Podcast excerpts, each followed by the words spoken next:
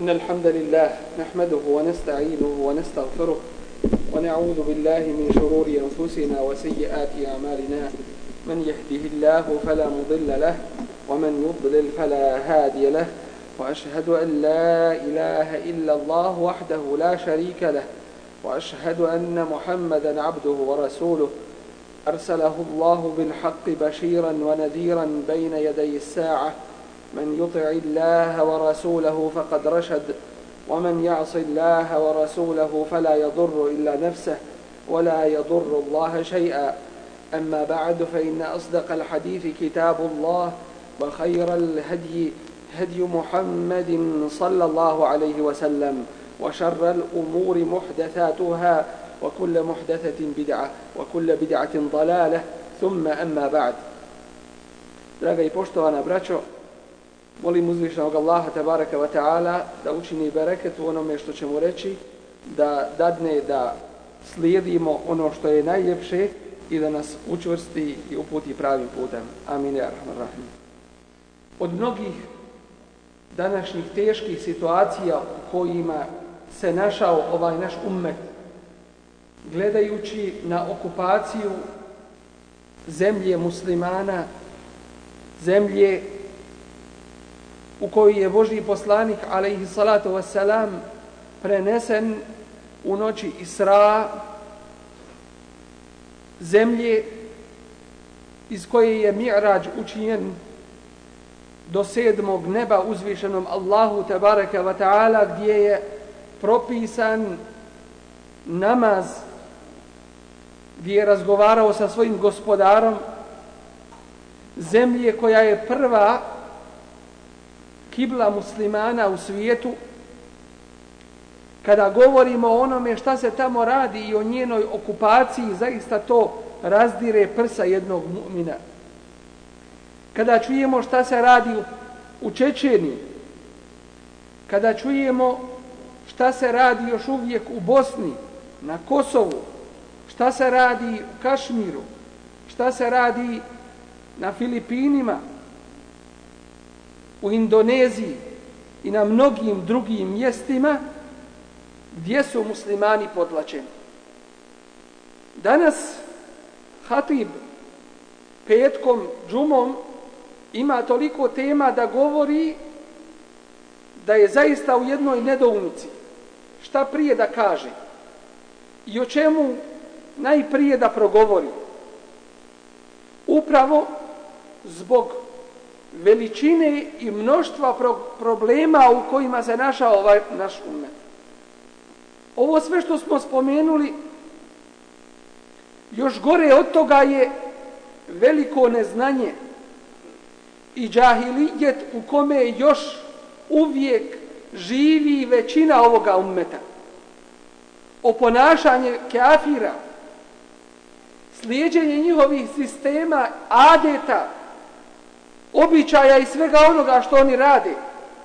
Zaista ova vjerska fitna i vjersko iskušenje u koje smo mi kao muslimani i kao ummet zapali gore je od ubistva. Kao što kuranski ajet kaže wal fitnetu ekbaru min al qatl. Kada govori o ovoj vjeri onaj ko govori bez znanja i zlonamjerno, kada se iskrivljavaju Allahovi ajeti i nemaju zaštite, nemaju više omera i nemaju više ashaba koji nisu žalili svog imetka i koji nisu čuvali svoje kuće i koji nisu sjedili u svoje žene i koji nisu žalili svoje vrijeme za žrtvovati za ovu vjeru. Nema više tih generacija koje se spominju kao primjerom do sudnjega dana. Primjerom za koji se i danas pitamo je li moguće tako. Jesu li to ljudi ili su meleki? Upravo je moguće zato što je ostvareno. Zato što su ti ljudi uzeli pred sebe Allahove principe i Allahovu vjeru. I nisu popuštali, niti su se odricali njih u ime Allaha te baraka wa ta'ala. kada gledamo na sve ove probleme u kojima smo se kao ummet našli, dužnost nam je velika i obaveza da se zapitamo a ko je taj ko će muslimane izvesti iz ove teške situacije na koji način ćemo povratiti našem ummetu onaj ugled koji je nekada imao nema sumnje da ova velika iskušenja su spomenuta u našoj vjeri. A kako i ne bi bila kada toliko ajeta i hadisa nam govore o mnogim stvarima, a da ovo kao jedno od najvećih pitanja ne bude spomenuto. Ovim želim započeti jedan ciklus kazivanja o tome ko je ta skupina koja će osloboditi kudus? Ko je ta skupina koja će osvojiti Rim? Ko je ta skupina koja će, ne bojeći se ljudi, sprovodeći Allahove zakone, čvrsto na Allahovom putu, čisto ga vjerujući, uspostaviti Allahove zakone na zemlji? Ko su oni? I gdje su oni? Resulullah sallallahu alaihi ve sellem nam kaže u svome hadisu La tezalu ta'ifatum min ummeti emri Allahi La yadurruhum man khadalahum au khalafahum hatta ya'tiya emru Allahi wa hum kedalik Neprestano će biti jedna skupina ovoga ummeta koji će se držati istine. Neće im škoditi oni koji im se suprostavljaju, niti oni, niti oni koji ih napuštaju dok ne dođe Allahova odredba. A oni su ispravni. وَهُمْ ظَاهِرُونَ عَلَى النَّاسِ Oni su iznad ljudi. Ne može im naškoditi nikakva ideologija nikakav sistem, bilo politički, ekonomski ili kakav god drugi hoćete. Jer oni su ponosni svojom vjerom i onim što drže u svojim prsima i po čemu rade. وَلِلَّهِ الْعِزَّةُ وَلِرَسُولِهِ وَلِلْمُؤْمِنِينَ Jer taj ponos od Allaha potiče. Zatim ćemo naći u Resulu alaihi salatu wasalam ponos vjere i zatim u pravim iskrenim vjernicima. Ovaj hadis prenosi i Buharija i Muslim. Što znači takva skupina vjernika će biti do sudnjega dana. I neće biti vremena kada te takve ispravne skupine neće biti. Samo je pitanje kolika je ona. Je li mnogobrojna? Pa će imati uticaja na druge ljude. Pa će moći ostvariti ono što je propisuje uzvišeni Allah te baraka wa ta'ala. Ili je malobrojna, ili je ona koja će se svesti na pojedince kojima ćemo kasnije spomenuti, kojima ćemo govoriti. Ovaj hadis spominje i Buharija i Muslim. Dakle, nema sumnje u njegovu istinitost i ispravnost. A u Ibni Mađinoj zbirci Sunenu se kaže kawametun ala amrillah koji čvrsto stoje na Allahovoj odredbi, na pravome putu. Koja je to skupina u stvari? Islamska ulema kada govori o ovoj temi navodi nam sedam osnovnih svojstava koja treba da se nađu pri nekome da bi mogao biti ubrojan u ovu spasonosnu pobjedonosnu skupinu potpomognutu skupinu od uzvišenog Allaha te baraka wa ta'ala. Sedam osnovnih svojstava. Iako oni imaju mnogo više onoga po čemu se odlikuju, ali ovo je ono što je karakteristično i posebno značajno da se spomene da je pri njima. Mi možemo danas reći da bilo koja skupina koja pri sebi ima ovih sedam svojstava, to je ta pobjedonosna skupina. Da svako onaj u onolikoj mjeri koliko na sebi i pri sebi bude imao ovih svojstava je u tolikoj mjeri od te pobjedonosne i spašene skupine vjernika. Prvo svojstvo o kome ćemo danas govoriti, a inša Allah narednim kazivanjima ćemo govoriti o oslalim svojstvima ove spasonosne skupine. Prvo svojstvo jeste itiba'ul Kur'an wa sunnati nebiji sallallahu alaihi wa sallam ala fahmi salafi salih sliđenje Kur'ana sunneta Božijeg poslanika alaihi sallatu wa sallam po svačanju prvih prvih generacija muslimana selefu saliha ovoga ummeta. Mi danas vidimo veliki problem oko razdvajanja ummeta oko nekih pitanja. Razilaženja ummeta oko nekih pitanja. Zašto razilaženje mi postavljamo pitanje? Upravo zbog toga što neki nisu sebi uzeli kao menheđ, kao propis i princip u svome životu, da im je Kur'an na prvome mjestu. Zatim sunnet Božih poslanika, ali sato vaselam, po svačanju prvih ispravnih generacija muslimana.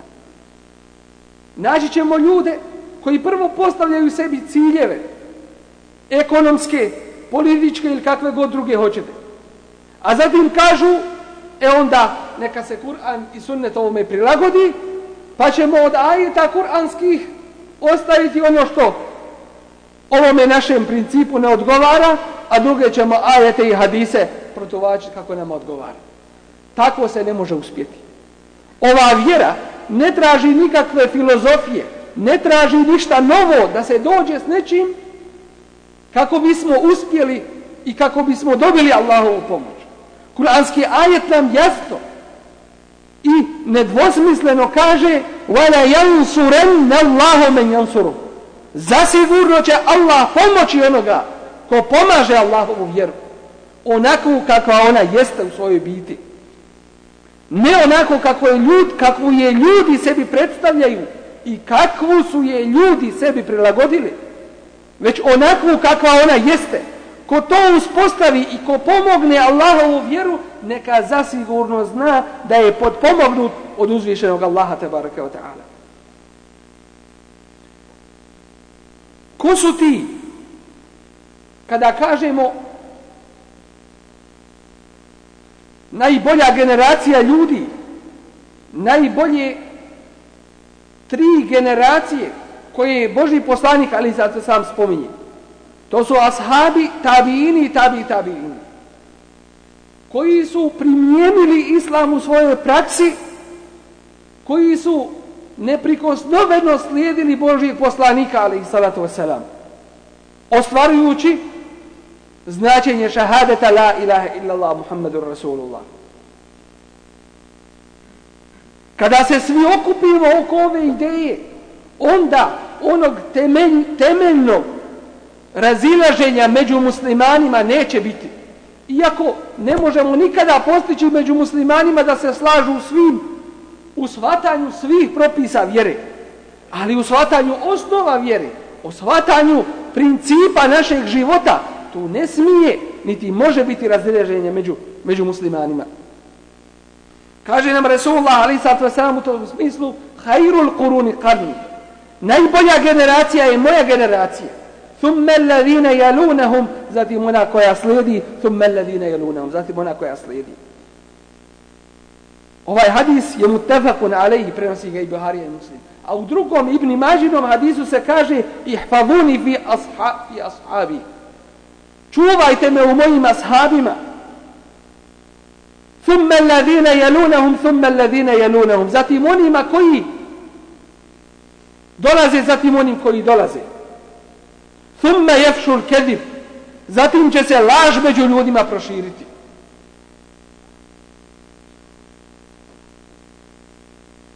šta znači ova riječ jer nam je dužno da se zapitamo kada mnoge ajete i hadize poznajemo, šta to znači? Da li se to u našem životu primjenjuje?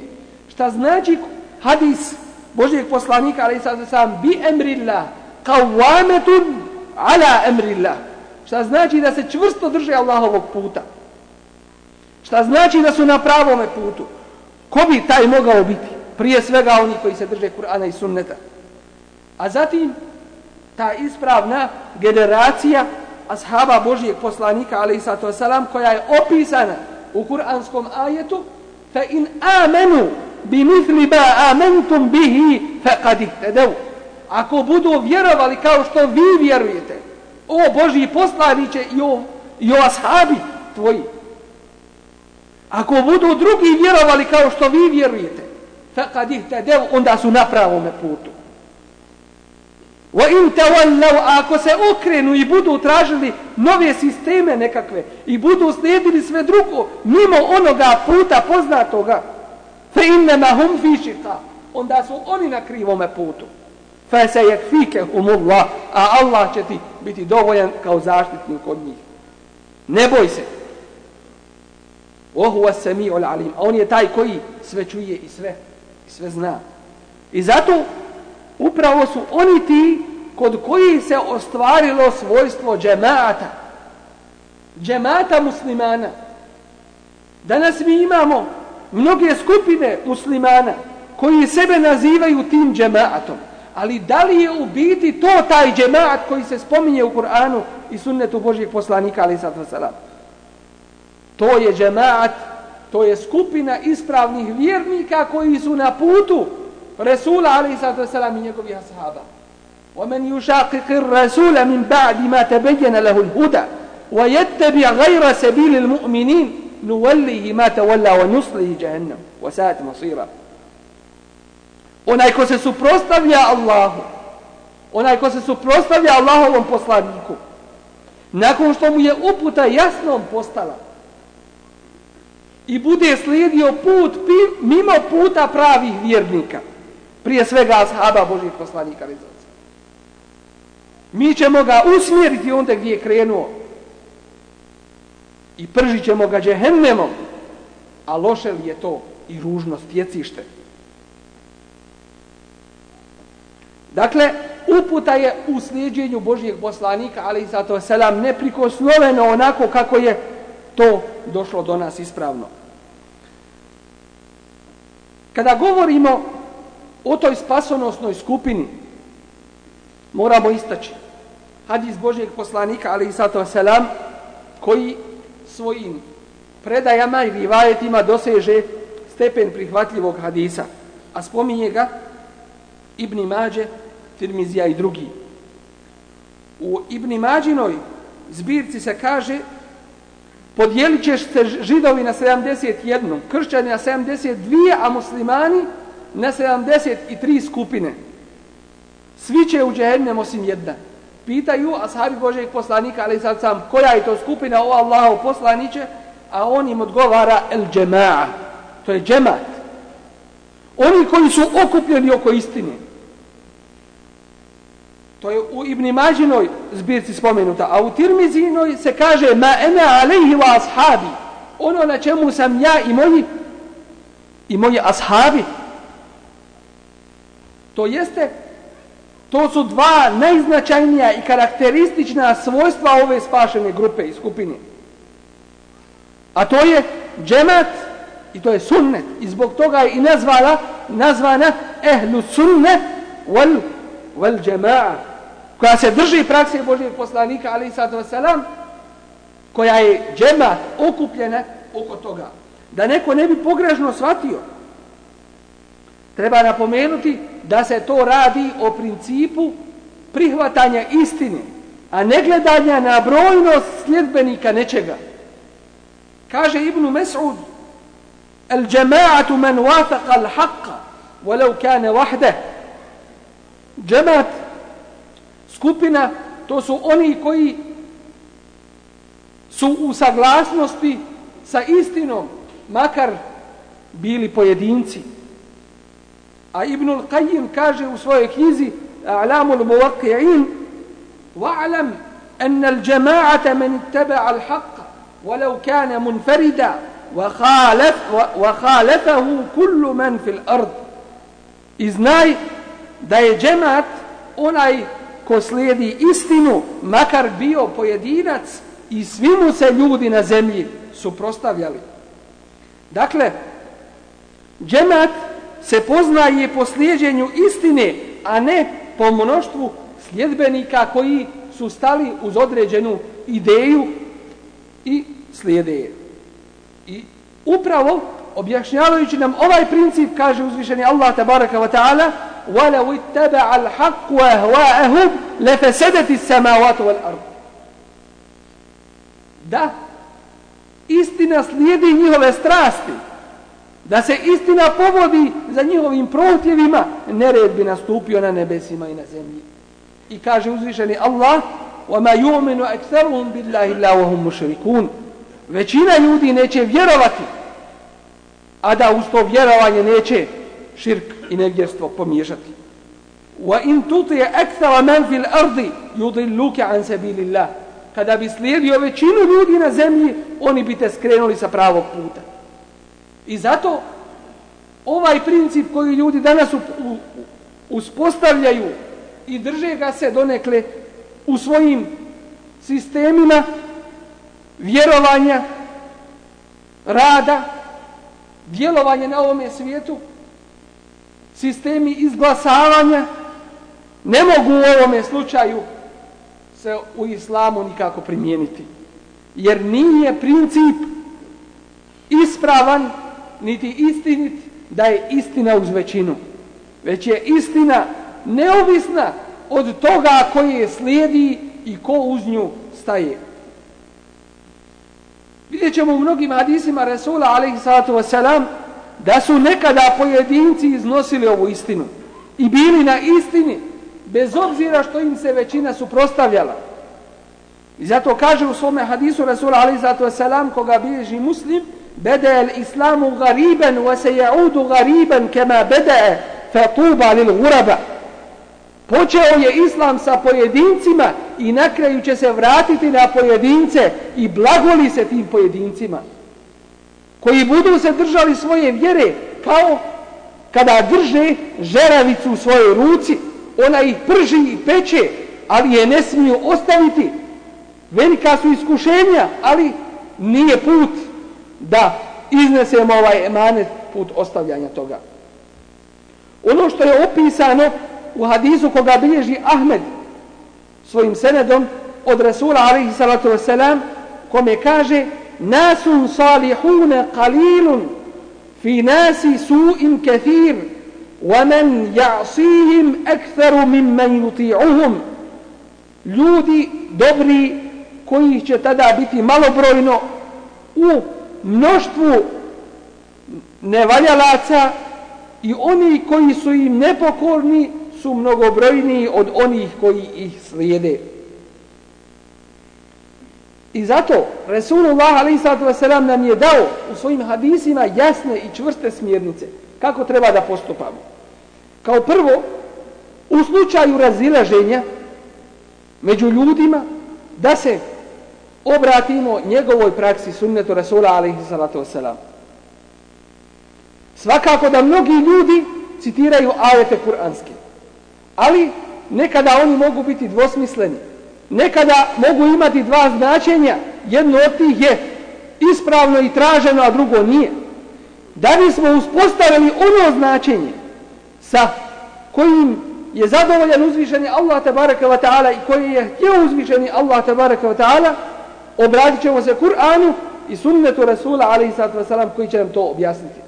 I zato hadis koga bilježi Ibn Mađe u, svoju sunen, u svome sunenu kaže Men ja'iš minkum ba'di fa se jarahtilafen kethira.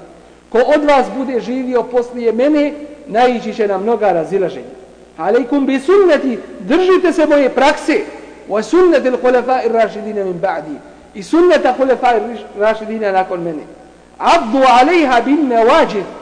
Prihvatite se njih svojim zubima, očnjacima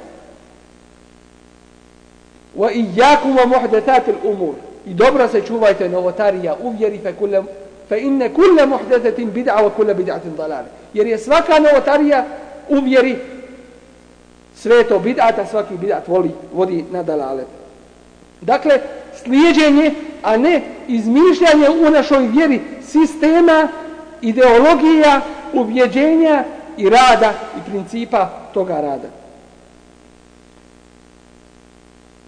kada se pojavila jedna skupina ljudi koji su htjeli u ibadetima nešto uvećati, povećati i na taj način se Allahu tabaraka wa ta'ala približiti. Vidjet ćemo da je Resulullah a.s. oštro u tome slučaju nastupio. Sakupio je ljude i rekao Ema wallahi inni la ahšakum lillahi wa etkakum leh. Tako mi Allaha ja sam najbogobojazniji među vama i najviše ga se boji. Lakinni usalli, lakinni asumu wa uftir. Ali ja postim i ima vremena kada ne postim. Wa usalli wa arkud i klanjam i odmaram. Wa etezevvađu nisa i ženim se fe men regima an sunneti fe lejse minni ko se odriče moga sunneta i moga pravca meni ne pripada. Dakle, svatanje Islama onakvo kako je bilo u vrijeme Božije poslanika ali sad sam. Bez ikakvog dodavanja, bez išta i ikakvog mijenjanja u tome principu rada. I zato je to put uspjeha za koji je Rasul, Rasulullah sallallahu alaihi ve sellem rekao u hadisu koji bilježi Buharija i kaže Kullu ummeti jedkuluna al dženne Cijeli moj ummet uće u džennet illa men eba osim onih koji ne htjednu wa men jeba ko je taj ko ne htjedne Allaho poslaniće? A on kaže men ata'ani dakhala al dženne ko bude mene slijedio ući će u džennet. Wa men asani faqad eba a onaj ko mi se suprostavi on je odbio ulazak u džennet. Znači nema ulazka u džennet nekim drugim putem i pravcem osim slijedjenjem Resula alaihi salatu wassalam. Isto tako, naći ćemo danas ljude koji pod izgovorom slijedjenja određenih ajeta ili hadisa slijede ono što je dvosmisleno, ono što ima dva ili više značenja, pa na taj način žele sumnju ubaciti i sprovesti svoje strasti citirajući kuranske ajde. To je jedan svakako od najvećih zločina kojima se neki koriste, a na njega nas je upozorio Rasulullah sallallahu alaihi ve sellem u hadisu koji prenosi Aisha radijallahu anha mutefakun alaihi, a kaže se u njemu, proučio je Boži poslanik alaihi sallatu ve sellem kuranski ajet, huwa alladhi anzala alejke al-kitabe, منه آيات محكمات هن أم الكتاب وأخر متشابهات فأما الذين في قلوبهم زيغ فيتبعون ما تشابه منه ابتغاء الفتنة وابتغاء تأويله وما يعلم تأويله إلا الله والراسخون في العلم يقولون آمنا به كل من عند ربنا وما يذكر إلا أولو الألباب ovaj kuranski ajet nam kaže on je taj koji ti je objavio knjigu koja u sebi sadržava jasne ajete koji su srž knjige a drugi su manje jasni što se tiče onih u čijim srcima je bolest i skretanje sa pravoga puta oni slijede one manje jasne ajete želeći smutnju među muslimanima napraviti i proturiti svoje značenje. A njihovo značenje ne zna niko drugi do Allah. Oni učeni uvjeri, oni kažu mi vjerujemo u to sve od Allaha, a pouku prihvataju samo razumni. Kaže Resulullah sallallahu alaihi ve sellem nakon proučenog toga ajeta فَإِذَا رَأَيْتَ الَّذِينَ يَتَّبِعُونَ مَا تَشَابَهَ مِنْهُ فَأُولَٰئِكَ الَّذِينَ سَمَّ اللَّهُ فَحْدَرُوهُمْ kada vidiš one koji slijede te dvosmislene i ajete koji su nejasni, to su oni koji je spomenuo Allah, pa ih se čuvaj. Hadis bilježi Buharija i Muslim. Kaže nam Resulullah sallallahu alaihi ve sellem da će u zadnje vrijeme se proširiti filozofije razne, da će ljudi svakakva svačanja i vjerovanja prihvatati i slijediti sve mimo puta Resula alaihi sallatu wasalam ono što je zabilježeno u muslimovoj zbirci hadisa, kaže Resulullah sallallahu alaihi ve sellem, yakunu fi akhiri zamani dajjaluna kadhabun, ya'tunakum min al-ahadithi bima لم تسمعوا أنتم wala aba'ukum, fa iyyakum wa iyyahum la يفتنونكم wala yaftinunakum. Biće u zadnje vrijeme dajjala lažaca koji će vam dolaziti sa govorom koji niste čuli ni vi ni vaši predci. Dakle, ono što nema nikakve osnove sa vjerom, ono što ne vodi svoj temelj i korijen od Resula alaihissalatu wasalam. Pa kaže Resula alaihissalatu wasalam, teško vama i teško njima, nemojte da vas sa pravoga puta odvedu i nemojte da vas na kušnju stavi.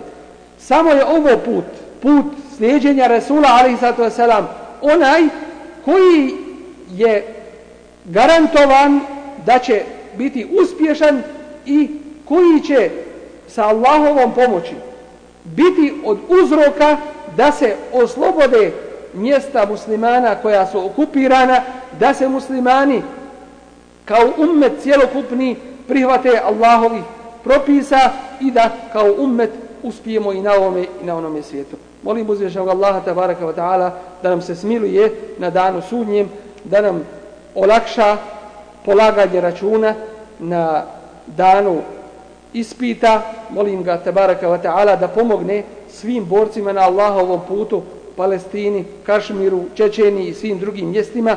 Molim ga uzvišnog Allaha tabaraka wa ta'ala da nam ukaže na pravi put i, ođa, i ojača nas na njemu. Amin. Rahman.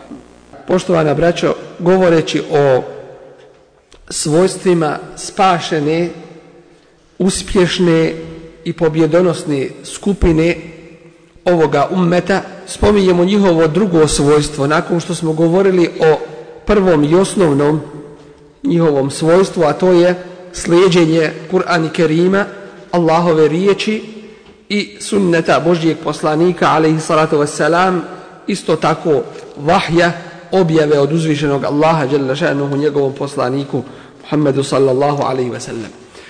Drugo karakteristično svojstvo ove uspješne i spašene skupine jeste borba na Allahovom tebareke wa ta'ala putu. To je svojstvo po kojem se ova skupina islamskog ummeta odlikuje, koje joj je karakteristično, na kome je ustrajava i ne ostavlja ga nikada. Ako čovjek u nekom periodu nije u mogućnosti da učestvuje u borbi na Allahovom putu, u najmanju ruku treba da ima nijet, namjeru, želju i težnju da ga nekada uzvišeni Allah Đelešanuhu učini od iskrenih pravih boraca za uzdignuće i uzvisivanje Allahove Đelešanuhu vjere. To ćemo vidjeti iz hadisa Rasula alaihi salatu wassalam u kome on kaže, koga prenosi muslim, لن يبرح هذا الدين قائما يقاتل عليه عصابة من المسلمين حتى تقوم الساعة neprestano će ova vjera obstojati i biti postojajna na kojoj će se boriti skupina muslimana dok ne dođe sudnji dan. Dakle, neprestano do sudnjeg dana bit će ta skupina ovoga ummeta koja će se boriti na Allahovom tebareke wa ta'ala putu. Kur'anski ajet nam kaže استعذ بالله يا أيها الذين آمنوا من يرتد منكم عن دينه فسوف يأتي الله بقوم يحبهم ويحبونه أذلة على المؤمنين أعزة على الكافرين يجاهدون في سبيل الله ولا يخافون لومة لائم Ovi koji vjerujete, ko se od vas odrekne svoje vjere, Allah će doći sa drugim narodom, koji, koga on voli i koji njega vole, koji su ponizni prema mu'minima, a ponosni pred nevjernicima, bore se na Allahovom putu i ničijeg prijekora oni se ne boje. Kaže nam kuranski ajet isto tako وَكَأَيِّمْ مِنْ نَبِيٍ قَاتَلَ مَعَهُ رِبِّيُّونَ كَثِيرٌ I koliko je poslanika, koliko je Allahovih vjerovjesnika bilo, قَاتَلَ مَعَهُ sa kojima su se borili رِبِّيُّونَ كَثِيرٌ mnogi pravi iskreni vjernici. Po drugome mutevatir kirajetu وَكَأَيِّمْ مِنْ نَبِيٍ قُتِلَ مَعَهُ رِبِّيُّونَ كَثِيرٌ koliko je vjerovjeznika bilo Allahovih uz koje su mnogi iskreni vjernici kutile, ubijeni i borili se i ubijeni bili Fama wahenu lima ansabehum fi sabilillah. Oni nisu klonuli zbog onoga što ih je zadešavalo na Allahovom putu. Wa ma da'ufu niti su posustajali, wa stekanu niti su se predavali. Kaže imam tefsira, imam al-Baghavi, imam ehli sunneta, kaže nam fama wahenu nisu se bojali, nisu klonuli, to jeste nisu se bojali. Ej, ma teha lem je hafu. Nisu se nisu strahovali od džihada zbog grana koje su ih zadesile i zbog smrti njihovih drugova. Kaže el muqatil nisu se predali niti se pokorili neprijatelju. Sve ovo tumačenje ovog kuranskog ajeta. Kaže es suddi nisu se ponizili niti su se ponižavali pred nevjernicima kaže el ata nisu se žalili stvorenjima zbog onoga što ih je zadesilo, niti su tražili da im se neko smiluje i pomogne im, mimo Allaha tabaraka wa ta'ala.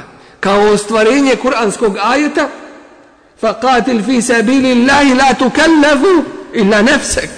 I bori se na Allahovom putu, makar sam bio. Kaže Ebu Alije, nisu strahovali, već su bili strpljivi u izvršavanju Allahove odredbe, u pokornosti Rasulullahu sallallahu alaihi ve selleme i u borbi protiv neprijatelja. Wallahu yuhibbu sabirin, a Allah voli strpljive i izdržljive. Isto tako ono što vidimo da je karakteristično ovoj skupini, pobjedonosnoj, uspješnoj i spašenoj skupini ovoga ummeta, jeste da naređuju dobro i odvraćaju od zla kao što kaže kuranski ajet wal takum minkum ummatun yad'una ila al-khair wa ya'muruna bil ma'ruf wa yanhauna 'anil munkar wa ulaika humul muflihun. Neka bude među vama jedna skupina koji će pozivati na dobro i naređivati poznato i zabranjivati zlo. I oni su ti koji su uspjeli. Dakle ako gledamo one među ljudima one koji su kojima je garantovan uspjeh to su ovi. I vidjet ćemo ovdje veliku razliku između ove dvije dužnosti. Prva je pozivanje do, na dobro, koju može svak da učini u granicama onoga koliko poznaje. I to se zove dava i pozivanje na Allahov put. Ali imamo nešto što se zove hisbe. To jeste el emru bil ma'rufi wa nehju anil munkar. Naređivati dobro i odvraćati od zla. A zato je potrebna snaga. Zato je potrebna moć da čovjeku narediš i da mu zabraniš, potrebno je da imaš snagu da to ostvariš.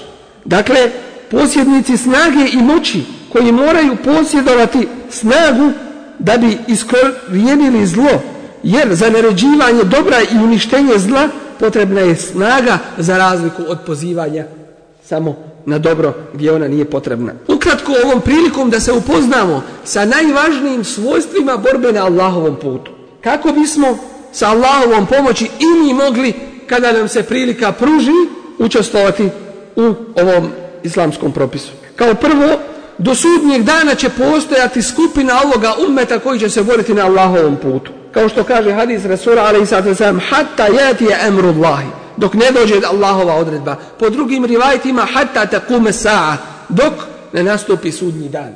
Neprestano će postojati ta skupina. Zašto? To zato što ćemo uvijek naći dobra u ovome ummetu. I nikada ovaj ummet neće biti lišen dobra.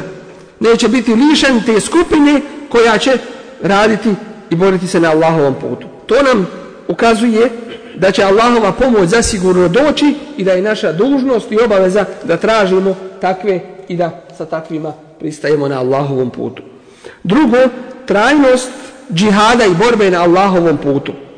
Prvo smo rekli da će postojati skupina do sudnjeg dana koji, koji će se boriti na Allahovom putu. Drugo, trajnost, što znači da borba na Allahovom putu neće se nikada prekinuti. Kao što kaže hadis u muslimu, el hajru ma'kudun fi, fi nevasiha el hajru ila jevm el qiyame, el eđru val ganima. Konji u njihovim grivama je dobro do sudnjega dana nagrada i plijen.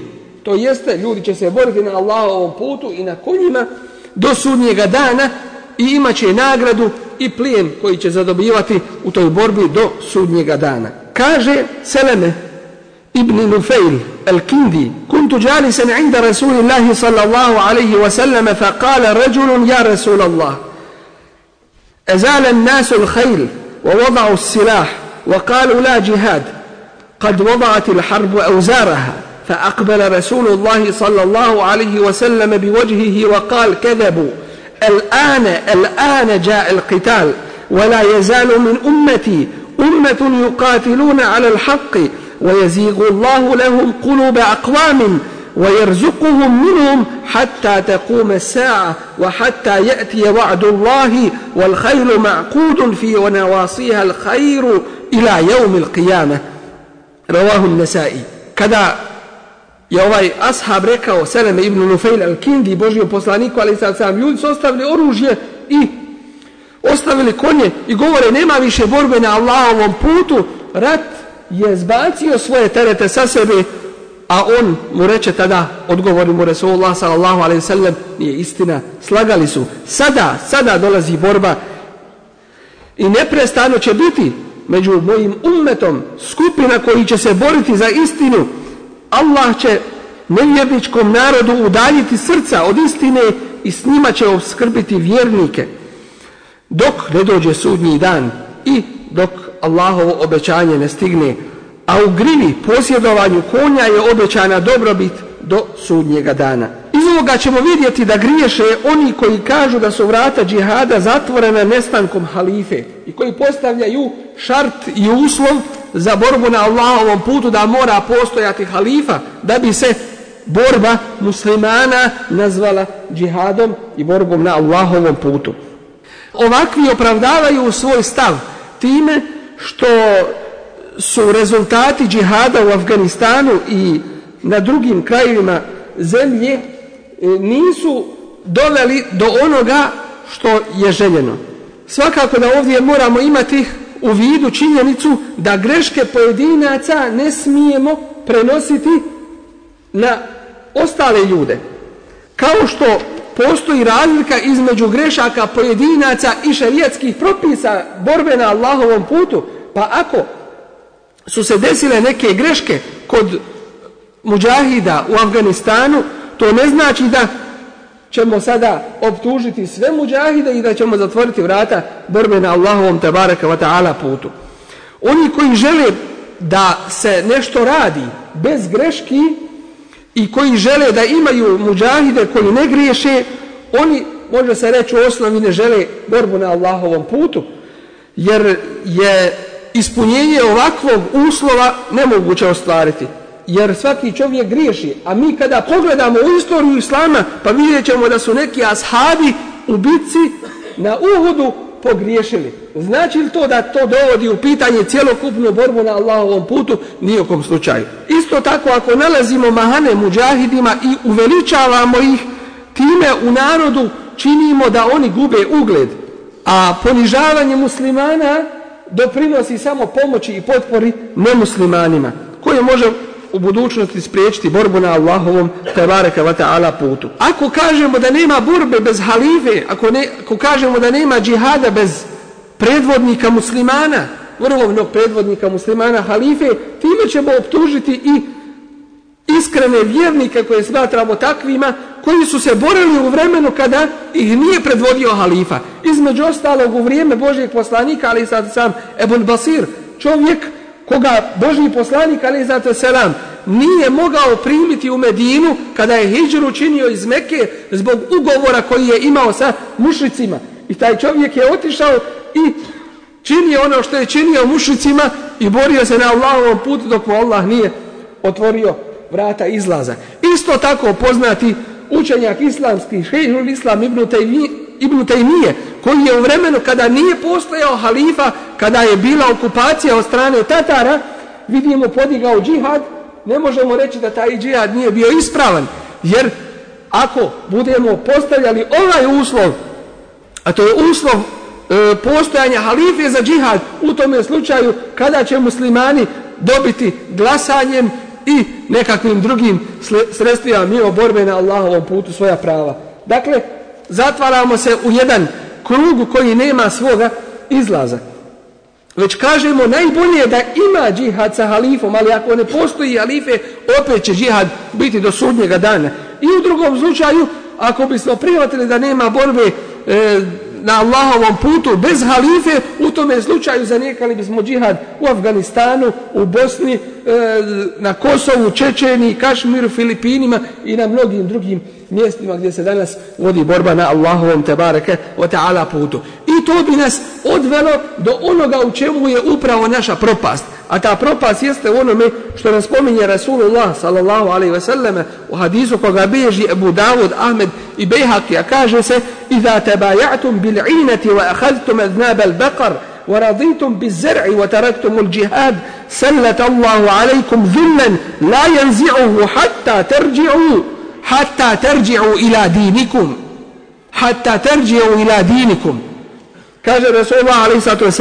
kada budete trgovali sa kamatom držali se za repove krava ovdje se na jedan ponižava, ponižavajući način spominje kada se budete zadovoljili zemljoradnjom stočarstvom i budete zadovoljni sa zemljoradnjom a ostavite džihad Allah će dati da nad vama zavlada poniženje nećete se iščupati iz njega dok se ne vratite svojoj vjeri. Što znači da je to od naše vjere, ova borba na Allahovom tabaraka wa ta'ala putu. I isto tako nas uzvišeni Allah podstiče na to govoreći ako su vam očevi vaši i sinovi vaši i braća vaša i žene vaše i rod vaš i imanja vaša koja se stekli i trgovačka roba za koju strahujete da neće da neće prođe imati i kuće vaše u kojima se prijatno osjećate mili od Allaha i njegova poslanika i od borbe na njegovu putu onda pričekajte dok Allah svoju odluku donese. A Allah griješnicima neće Allah griješnike neće uputiti pravim putem. dakle to je jedan jedini način da se izađe iz sramote iz poniženja u koje, u koje je upao ovaj naš ummet. Treće, dužnost nam je pripremiti se za suprostavljanje neprijateljima. Kaže uzvišeni Allah, وَلَوْ أَرَادُ الْخُرُوجَ لَأَعَدُّ لَهُ عُدَّ وَلَكِنْ كَرِهَ اللَّهُمْ بِعَاثَهُمْ فَثَبَّطَهُمْ وَقِيلَ قُعُدُوا مَعَ الْقَاعِدِينَ Da su imali namjeru da pođu i da nešto učine u borbi na Allahovom putu, sigurno bi zato pripremili što je potrebno. Ali Allahu nije bilo povolji da oni idu pa ih je zadržao i bi im rečeno sjedite sa onima koji sjede i ništa nisu ni učinili i samo su opravdanja sebi tražili dakle priprema za borbu na Allahovom putu to je pokazatelj iskrenosti u džihadu na Allahovom putu i čiste namjere da čovjek zaista nešto uradi. Kao što kaže Resul, kao što kaže kuranski ajet wa a'iddu lahum mastata'tum min quwwa wa min ribatil khayl turhibuna bihi aduwwa Allahi wa aduwwakum wa akharin min dunihim la ta'lamunahum. Allahu ya'lamun pripremite protiv njih u borbi koliko god možete snage i konja za boj da biste time zaplašili Allahove i vaše neprijatelje prenosi se od Okubeta ibn Amira radijallahu anhu u muslimovoj zbirci hadisa da je rekao se mi do Rasula Allahi sallallahu alaihi wa sallam wa huwa ala al-minbar yaqul wa a'iddu lahum mastata'tum min quwwa ala inna al-quwwata ar-ramyu ala inna al-quwwata ar-ramyu ala inna al-quwwata ar-ramyu Čuo sam Božijeg poslanika, ali i sato selam, kako nam im beri govori, pripremite protiv njih koliko god možete snage, da je rekao, zaista je snaga bacanje, zaista je snaga bacanje, zaista je snaga bacanje. To jeste gađanje neprijatelja. I zato je navedeno isto u muslimovoj zbirci hadisa od Rasula wasalam da kaže men alima, re, rem, men alima remje thumme terakehu felejse minna ev kad, ev kad asa. Onaj ko bude poznavao gađanje i bacanje pa ga, zabo, pa ga ostavi taj nama ne pripada ili taj je neposlušan postao. Dakle, čovjek mora biti spreman i pripreman na to. Četvrto, borbom na Allahovom putu se uzdižu Allahove riječi na zemlji. I džihad nema drugoga cilja. Svaka druga borba, borba za naciju, borba za političke interese, borba za materijalnu dobit, i ostalo nije borba na Allahovom putu. Došao je neki beduin Resulullahu sallallahu alaihi ve sellem i rekao čovjek se bori da se spomene bori se radi plijena i bori se da bi se istakao, pa ko je na Allahovom putu? A Resulullah sallallahu alaihi ve sellem reče, ko se bude borio da Allahova riječ bude gornja, on je na putu Allaha uzvišenog. Prenosi Buharija i Muslim. Men qatala li takuna kalimatullahi hiya al-ulya, fa huwa fi sabilillahi azza wa jalla. Tako su i poznati imam Ebu Hanife, imam Šafija i Ahmed i ostali definisali borbu na Allahovom putu, da je to borba za uzdizanje riječi uzvišenog Allaha te baraka wa ta'ala. Ovdje želimo da napomenemo da neki, kao što spominje Sejid Kutub Rahimahullah, da neki pod uticajem svoje slabosti pred prividnom snagom neprijatelja posustaju i kažu da je borba na Allahovom putu samo odbranbeni rat. A šta je prvo sa prve na prvome mjestu? Šta je sa onim zemljama muslimanskim koje su okupirane? Čije je oslobođenje vađib do zadnjeg muslimana dok postoji na ovoj zemlji?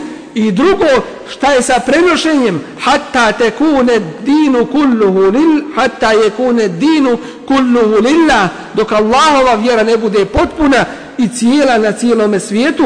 To znači šta je sa prenošenjem poruke u mjestima gdje se ne dozvoljava širenje islama. Naša dužnost je ući u ta mjesta i proširiti ovu Allahovu vjeru, dostaviti je ljudima, a onda nakon toga koje prihvati, blago se njemu, ako ne htjedne, taj je upropašten zbog svoga izbora. Ovim se izvršava, borbom na Allahovom putu se izvršava jedan veliki vađib, jedna velika obaveza, a to je naređivanje dobra i odvraćanje od zla. Poznat islam, islamski mufesir Bahak kaže, kaže da su oni koji se bore na Allahovom putu, da su to muđahidi i ulema. Muđahidi, borci na Allahovom putu i učeni. Alladine im mekennahum fil ardi. One kojima kada dadnemo vlast na zemlji, ekamu salate, koji uspostave namaz, wa atevu zakate i daju zekat, wa amaru bil ma'rufi, wa nehev anil munkar, naređuju dobro i odračaju od zla. Walillahi aqibatul umur, a Allahu se sve vraća i Allah je taj čija će strana pobjediti. Ovdje želim da naglasim da su se mnoge borbe vodile da bi se pod imenom džihada na Allahovom putu. Ali ćemo vidjeti da vođe tih borbi nisu stajali iza islamskih principa. Došli bi nekada pred narod da klanjaju dva rekata, a Allah najbolje zna kako ih klanjaju, da bi se pogazalo da su oni borci na Allahovom putu i oni koji pomažu Allahovu vjeru. A nakon toga kada bi se riješili svojih okupatora, bilo da se radi o ovima ili onima, isti ti koji su dojuče bili pozivali u borbu na Allahovom putu, isti ti su gore činili sa muslimanima i napunili zatvore muslimana nego što su dojučerašnji okupatori radili. Dakle, isto ga vidimo da musliman ne smije biti zavaran. O tome nam kuranski ajet govori وَلَا تُؤْمِنُوا illa li men tebi adinekum i nemojte vjerovati osim samo onome ko slijedi vašu vjeru. Nije dovoljno da kaže ja sam musliman i da pred vama klanja dva rekata. Gdje je on u znanju? Gdje je on u primljeni islama? Gdje je on u potpomaganju islama i potpomaganju svih ovih principa koje, kojima nas zadužuje uzvišeni Allah tabaraka wa ta'ala. I muslimanima se ne smije desiti da budu tako i takvima ni pošto zavarani. Ovdje želim napomenuti da obaveza džihada u odsutnosti halife ni u kom slučaju ne znači da svaki pojedinac uzme sebi za pravo da se ponaša kako hoće i da slijedi svoje protjeve, jer to na prvome mjestu dovodi do razjedinjenja i sukoba među samim muslimanima, do slabosti i do anarhije. A Allah tebareka wa ta'ala naređuje zajedništvo, naređuje, zabranjuje sektašenje i podvajanje koje dovodi do slabosti. Kaže uzvišeni Allah tabaraka wa ta'ala وَاَتَصِمُوا بِحَبْلِ اللَّهِ جَمِيعًا وَلَا تَفَرَّقُوا I svi se prihvatite Allahovog užeta i nemojte se razjedinjavati. I kaže وَلَا تَنَازَعُوا فَتَفْشَلُوا وَتَلْهَبَ رِيحُكُمْ I ne prepinite se da ne biste klonuli i bez borbenog duha ostali. Inna Allahe yuhibbu alladhina yuqatiluna fi sabilihi saffan ka'annahum bunyanun marsus. Allah voli one koji se bore na Allahovom putu u jednom safu. Dakle, jedan su safa nisu razjedinjeni ka'annahum bunyanun marsus kao da su bedem čvrsti. I kaže Resulullah sallallahu alaihi ve sellem Aleykum bil jama'a wa iyakum wal firqa fa inna shaytana ma'al wahid wa huwa min al ithnaini Eba'ad U hadisu koga prinosi Tirmizija kaže Rasulullah alaihi sallatu wa Držite se džemata i čuvajte se Pazite se sektašenja Šeitan je sa jednim A od dvojice je dalje Zbog nedostatka znanja moramo se čuvati da ne dođe u nekim situacijama do razdora i suprostavljanja zajedničkom radu, džematskom radu. I zato ćemo vidjeti da je od uslova džihada priprema, a e, iz kuranskih hajeta i hadisa Resula ali sad selam vidjet ćemo da je govor upućen množine, a ne pojedincima. Tako ćemo iz toga shvatiti da ova naredba se ne odnosi na pojedince, već na cijelokupni džemat. Što znači da pojedinci ne smiju dozvoliti sebi da svojim postupkom štetu nanesu svome džematu, džematu muslimana, iz svoje želje da se bore na Allahovom putu i iz želje da nešto učine za ovu vjeru. To nam se ne smije desiti jer će tim svojim postupkom biti veliki griješnik i uzrokom velike nesreće muslimanima. Uzvišen je Allah kaže وَيَعِدُّ لَهُمْ مَسْتَطَعْتُمْ i kaže وَتَعَوَنُ عَلْ بِرِّ وَتَقْوَ pripremite im dakle kao grupa, kao skupina, kao džemat i kaže وَتَعَوَنُ i držite se svi zajedno, potpomažite se na dobročinstvu i bogobojaznosti. Molim uzvišenog Allaha tebareke wa ta'ala da nam svima učini put borbe na Allahovom putu olakšanim i da nas učini od iskrenih boraca za njegovu vjeru tebareke wa ta'ala od onih koji će uzdizati njegovu vjeru i širiti je širom zemlje. Amin. Arhamar rahimin. Kulu qavli hada wa astaghfirullah li wa lakum wa li kulli muslimin min kulli dhanbi fastaghfiruhu innahu huwa al-ghafurur rahim.